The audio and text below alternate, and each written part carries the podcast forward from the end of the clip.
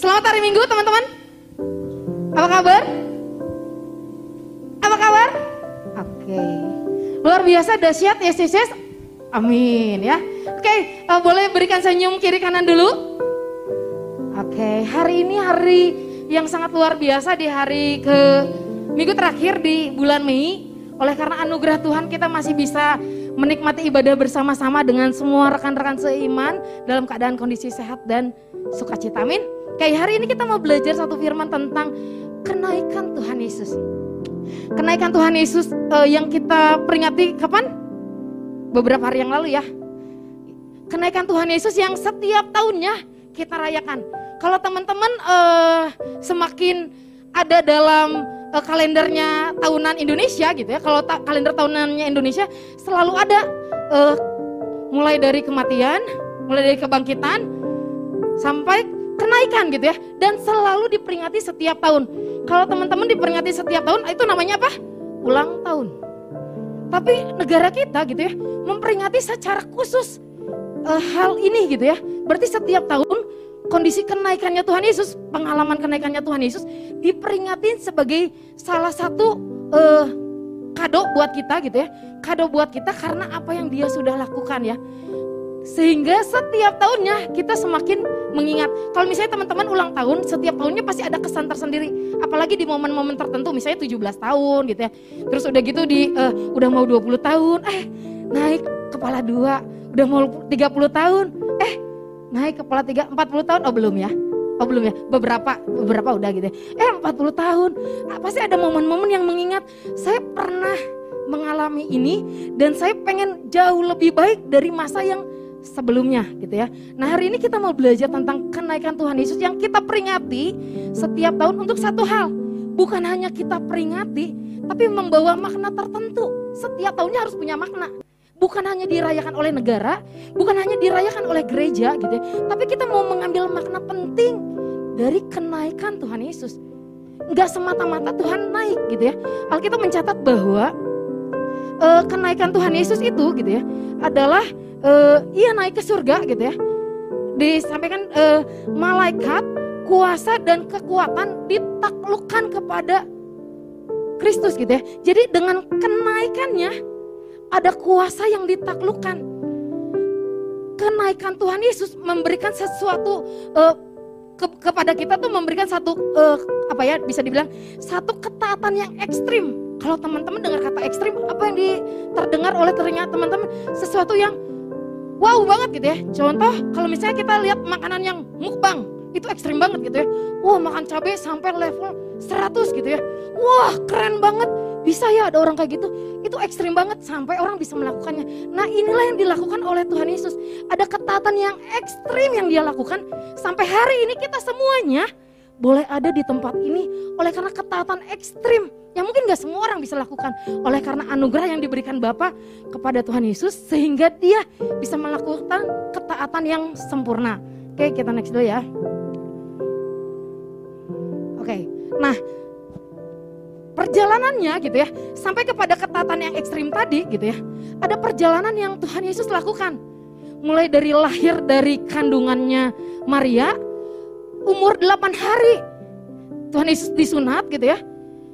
Umur 40 hari oleh orang tuanya Tuhan Yesus diserahkan kepada gereja kalau zaman sekarang gitu ya. Umur 12 tahun Tuhan Yesus belajar di kalau sekarang mah gereja gitu ya. Belajar di gereja sampai umur 12 tahun dia masih melakukan yang seharusnya gitu ya. Normally orang kalau kata orang anjaksel gitu ya, normalinya sih 12 tahun belajar gitu ya. Teman-teman yang usianya 12 tahun belajar kan, kita semua dulu dipaksa untuk belajar usia 12 tahun gitu ya. Nah normal gitu ya. Nah berjalannya waktu gitu ya, di usia 12 tahun gitu ya, Tuhan Yesus mengalami baptisan dari Yohanes Pembaptis. Di masa itu ketika Tuhan Yesus memberikan diri diajar, memberikan diri belajar, memberikan diri taat kepada firman Tuhan, dengar firman dan akhirnya memberikan diri dibaptis gitu ya. Usia 30 tahun dibaptis gitu ya. Dan setelah dibaptis gitu ya. Setelah dibaptis apa yang terjadi?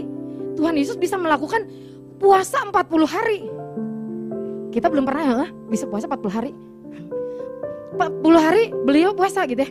Tuhan Yesus setelah dibaptis dia puasa 40 hari. Terus dicatat lagi bahwa bukan hanya puasa 40 hari setelah uh, dibaptis, tapi dia mau memberikan dirinya setelah usia uh, 33 setengah tahun, dia memberikan dirinya untuk mati di kayu salib, dikubur. Berapa hari dikubur? Tiga hari dikubur. Bangkit pada hari yang ketiga. Dan setelah bangkit apa yang terjadi? Apa yang terjadi setelah dia bangkit? Dia bersaksi kepada murid-muridnya. Saya bangkit, saya bangkit, saya bangkit berapa hari? 40 hari dia bertemu dengan murid-muridnya. Dan setelah dia bertemu dengan murid-muridnya, dia naik ke surga. Jadi Tuhan Yesus tuh punya perjalanan panjang sampai dia naik ke surga. Semua kita, teman-teman SMP, teman-teman SMA dan kuliah kerja gitu ya, semua kita punya perjalanan masing-masing di dalam trek hidup kita yang Tuhan anugerahkan mulai dari kita lahir, mulai kita diserahkan oleh orang tua kita untuk uh, di gereja, mulai kita diajar semua kebenaran firman Tuhan, mulai kita uh, dibaptis, dibaptis dengan Roh Kudus dan akhirnya bisa melayani sampai ke hari ini gitu ya. Dan kita mau sampai kepada yang terakhir. Kita mau sampai kepada level kita naik ke surga. How come? Bagaimana bisa gitu ya? Kita bisa naik ke surga. Bisa. Bisanya? Nah, ada satu janji yang Tuhan berikan kepada semua kita yang melakukan perjalanan rohani di bumi ini. Janjinya adalah Yohanes 14 ayat 1 dibilang, "Janganlah gelisah hatimu." percayalah kepada Allah, percayalah juga kepadamu. Saya ngasih beberapa gambar di sini ya. Buat Jason ada teman-teman dari SMP, gimana ya melakukan perjalanan rohani supaya sampai ke surga nanti? Masih SMP nih, usianya masih 12, 13, 14. Buat teman-teman yang kayak Bless nih, usia anak SMA, gimana ya bisa ngalamin perjalanan rohani yang nanti nih bisa sampai ke surga? masih SMA loh, masih banyak loh yang harus dipikirkan gitu ya. Buat teman-teman Papua yang usianya 15, 16, 17, 18 gitu ya. Masih banyak perjalanan yang harus dilakukan. Journey-nya banyak gitu. Perjalanan sampai ke surga tuh gimana sih caranya? Buat teman-teman kayak Lydia dan teman-teman yang kuliah dan kerja gitu ya.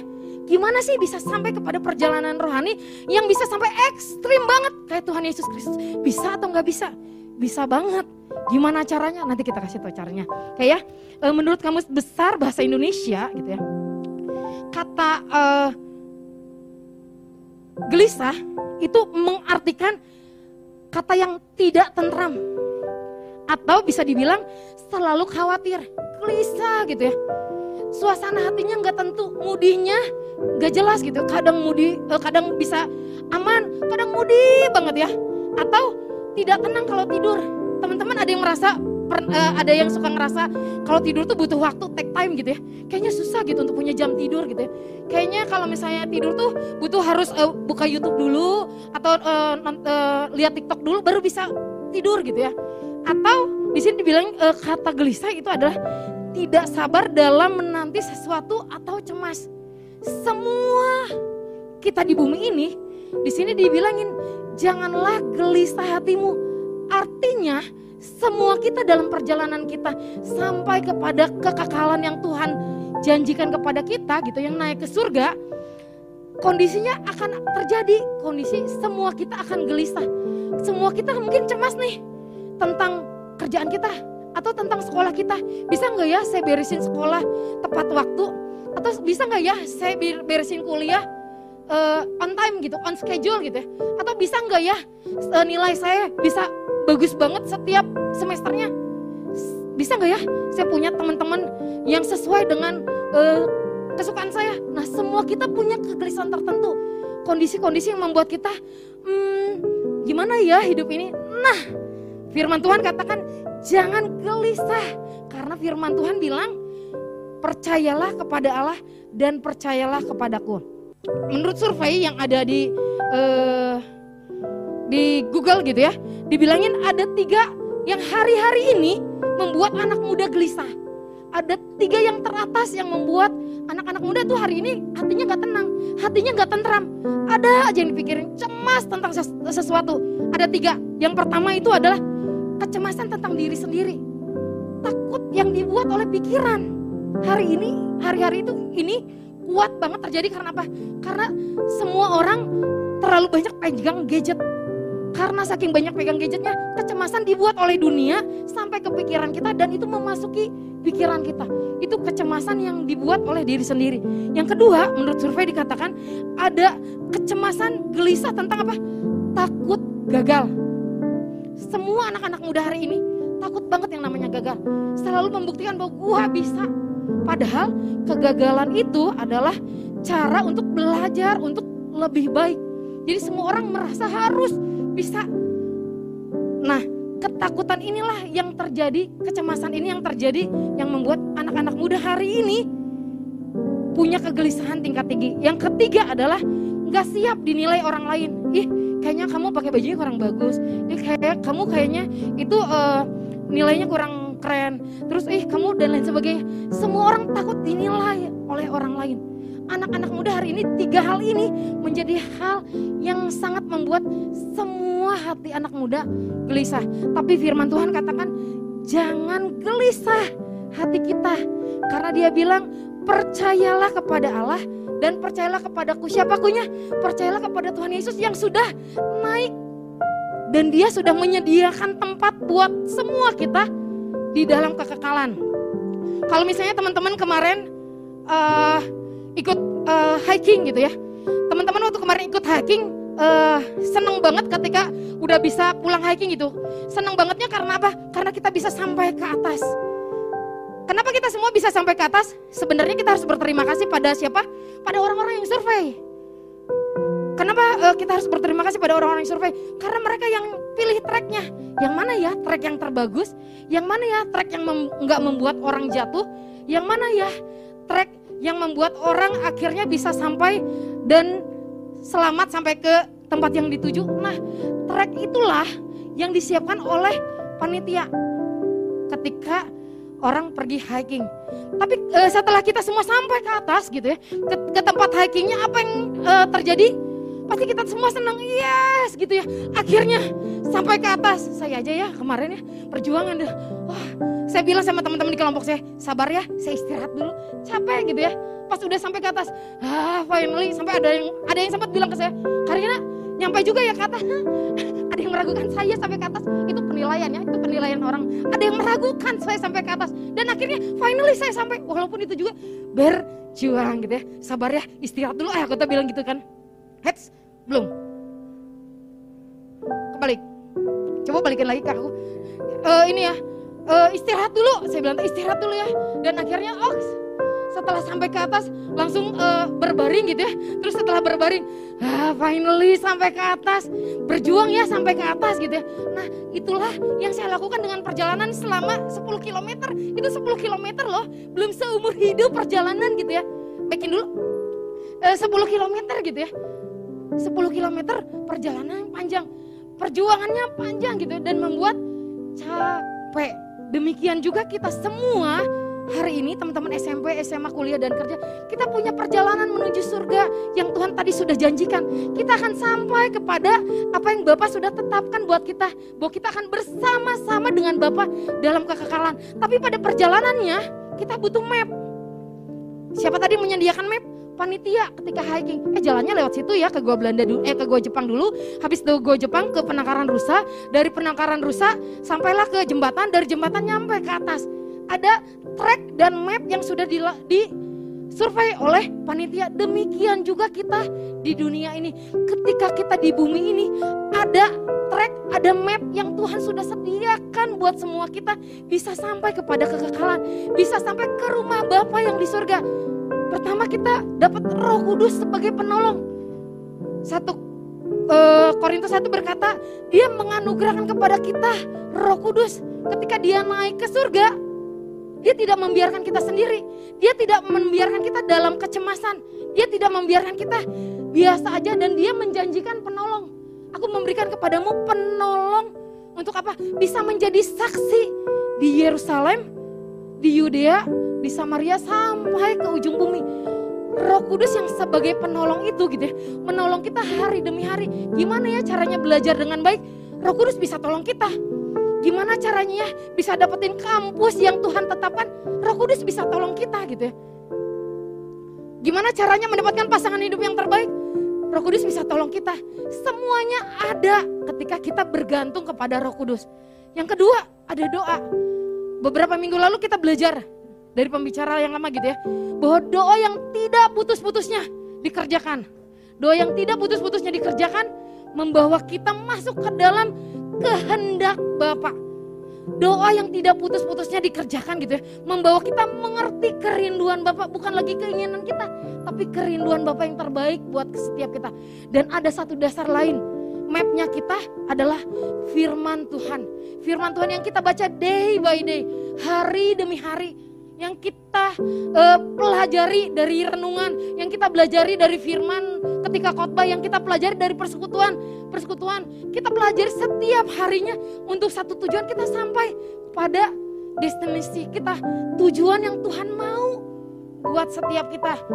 Semuanya ini disediain ketika apa? Ketika Bapak sudah meminta Yesus Kristus menyelesaikan tadi ketaatan yang ekstrim membawa kita bisa menikmati anugerah Roh Kudus, berdoa dengan jawaban yang daripada Tuhan dan firman yang setiap hari menjadi rema di dalam hidup kita. Sampai kepada apa? Destinasi yang Tuhan mau buat kita. Sebenarnya destinasi kita apa sih? Ketika kita ada di bumi ini dalam satu perjalanan rohani kita bersama dengan Tuhan Yesus Kristus, destinasinya apakah piramida? Wah, gue bisa sampai nih ke piramida yang ter, uh, lihat piramid gitu belum pernah nih. Hei kita sama-sama ke piramid. Pasti seru kalau punya destinasi seperti itu. Atau mau saya mau ke padang pasir deh. Kayaknya seru punya destinasi ke padang pasir gitu. Ya. Atau saya mau ini lihat Kapadokia. Wow itu ceritanya keren banget misalnya. Bukan hanya lihat, tapi pengen punya destinasi itu. Atau mau lihat nih gurun Sahara. Destinasi yang ini gitu ya. Destinasi yang ini, destinasi yang dunia buat. Destinasi yang hanya tujuan sementara kita mungkin bisa sampai ke sana. Tapi hanya sampai doang dan menikmati pemandangan alamnya. Apa hasilnya? Foto-foto. Tapi destinasi yang selanjutnya yang Tuhan mau adalah destinasi yang kekal. Selamat datang pada destinasi yang kekal. Destinasi yang kekal itu apa? Di sini dikatakan di rumah Bapamu banyak tempat tinggal. Jika tidak demikian, tentu aku mengatakannya kepadamu. Sebab aku pergi ke situ untuk menyediakan tempat padamu. Bagimu. Jadi destinasi yang Tuhan mau, kita semua masuk dalam perjalanan rohani kita bersama dengan Tuhan sampai kepada kekekalan tujuannya supaya kita sampai di sana. Jadi Tuhan Yesus naik, dia naik untuk menyediakan tempat buat kita dan dia akan turun. Nanti kapan? Gak tahu. Tuhan kasih waktunya kepada kita dan kita nggak tahu. Nanti ada waktunya. Tapi ketika dia turun, dia akan memastikan kita semuanya ada di sana dia pastiin janjiin bahwa kita semua sampai kepada tempat yang kekal yang Tuhan mau kita ada di sana dengan apa? Dengan kematiannya dan kenaikannya yang memastikan kita ada di sana. Uh, satu uh, saya coba googling ya. Kalau misalnya teman-teman uh, masuk ke satu negara untuk punya satu uh, sertifikat permanen residen, jadi menetap di satu negara gitu ya. Syarat-syaratnya adalah yang pertama uh, punya uang tinggal di sana gitu ya. Punya uang untuk tinggal di sana dan punya koneksi. Yang kedua, untuk jadi misalnya nih, misalnya um, pengen jadi menetap di negara Australia. Nah, teman-teman harus punya uh, uang, uh, kerjaan dan punya koneksi tinggal di sana. Atau yang kedua, teman-teman menikah dengan orang Australia. Bisa dap jadi permanen resident. Orang yang bisa menetap di satu negara dengan fasilitas yang disediakan tapi ada syarat dan ketentuan berlaku. Itu permanen residen di dunia. Tapi permanen residen kerajaan Allah, tempat kerajaan Allah itu disediakan dengan cara yang tadi, dengan kematiannya, dengan kebangkitannya dan kenaikannya yang memastikan bahwa kita pasti ada di sana. Kita pasti masuk ke dalam rumah Bapak yang sudah disediakan. Dia memastikan kita ada di sana. Dan kita tinggal bersama-sama dengan dia. Gimana caranya? Caranya adalah heads, heads. Ya, Caranya adalah kisah para rasul 3 ayat 21 berkata, Kristus itu harus tinggal di sorga. Jadi saat ini dia di mana? Di sorga. Sampai waktu pemulihan segala sesuatu seperti yang difirmankannya, firmankan Allah dengan perantara nabi-nabi yang kudus di zaman dahulu. Caranya cuma satu, kita sampai ke sana. Kristus tetap ada di sana. Jadi kalau misalnya Kristus nggak ada di sana, kita nggak bisa sampai ke sana. Hari ini jaminannya bahwa Kristus ada di sana. Dia ada di surga. Untuk memastikan apa? Yang pertama, memastikan bahwa dia menjadi pembela kita. Hari ini kerjaannya iblis apa sih? Mencuri, membunuh, membinasakan kita, mendakwa kita siang dan malam. Ayub berkata bahwa iblis iblis, kamu teh ke mana sih? Kau naik turun surga aja. Di Alkitab mencatat Ayub berkata, eh, eh, Tuhan bertanya pada Ayub, e, kamu ke mana aja? Kau naik turun surga aja. Terus Ayub bilang, terus Ayub bilang apa? E, saya berkeliling bumi, berkeliling bumi mencari orang-orang yang mau dijatuhkan oleh iblis. Jadi iblis kerjaannya apa? Setiap hari mencari orang-orang yang didakwa siang dan malam. Yesus ada di sorga untuk satu tujuan, menjadi pembela kita siang dan malam. Hari ini itu dinyatakan lewat kenaikannya. Dia di sorga hari ini untuk menjadi pembela kita siang dan malam. Pastikan bahwa teman-teman tidak sedang didakwa oleh iblis. Pastikan bahwa teman-teman meyakini bahwa Allah ada di tengah-tengah teman-teman. Roh Kudus ada di dalam hidupnya teman-teman untuk memastikan bahwa semua kita dipastikan untuk ada dalam kekekalan. Tidak lagi jatuh bangun dengan dosa, tidak lagi bergumul dalam kekudusan, tidak lagi jatuh bangun dengan diri sendiri. Tapi uh, ada orang yang membela kita, ada pribadi yang membela kita. Itu namanya Tuhan Yesus gitu. Yang kedua, yang dia jaminkan kenapa dia masih ada di sorga sampai hari ini menyediakan tempat yang terbaik.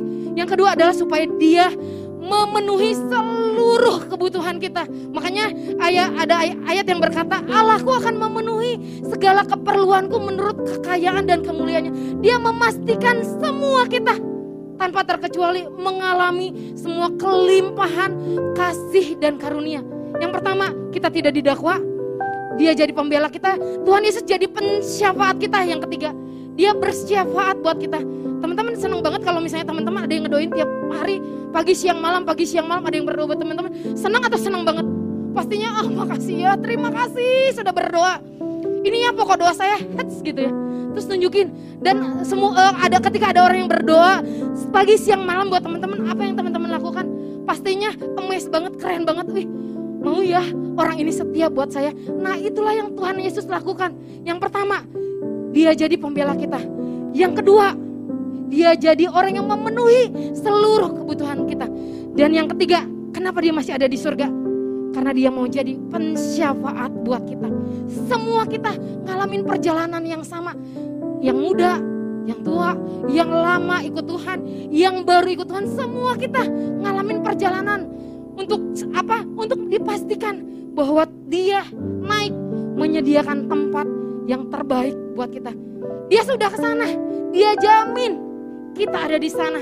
Dia dia pastikan kita sampai di sana. Jadi yuk alami pengalaman rohani bersama dengan Tuhan. Tadi mapnya sudah dikasih tahu. Caranya sudah dikasih tahu. Kalau penerbangan ya, teman-teman ada pesawat gitu ya. Pesawat itu pasti dia punya titik koordinat pasti. Titik koordinat pasti untuk sampai kepada perjalanan yang dia tempuh tiap detiknya dia punya titik koordinat yang harus dibelokkan ke kiri dan ke kanan supaya pesawat ini tidak salah dalam menerjang arus. Itulah yang dilakukan oleh pesawat. Demikian juga semua kita punya titik koordinat yang pasti sampai kepada kekekalan. Dia jamin kita ada di sana. Caranya pastikan kita hidup dalam maps yang benar. Ada roh kudus di dalam diri kita. Ada firman di dalam diri kita ada doa yang bersama-sama dengan kita yang membuat kita tidak satu pun tidak akurat tapi pasti pas karena apa?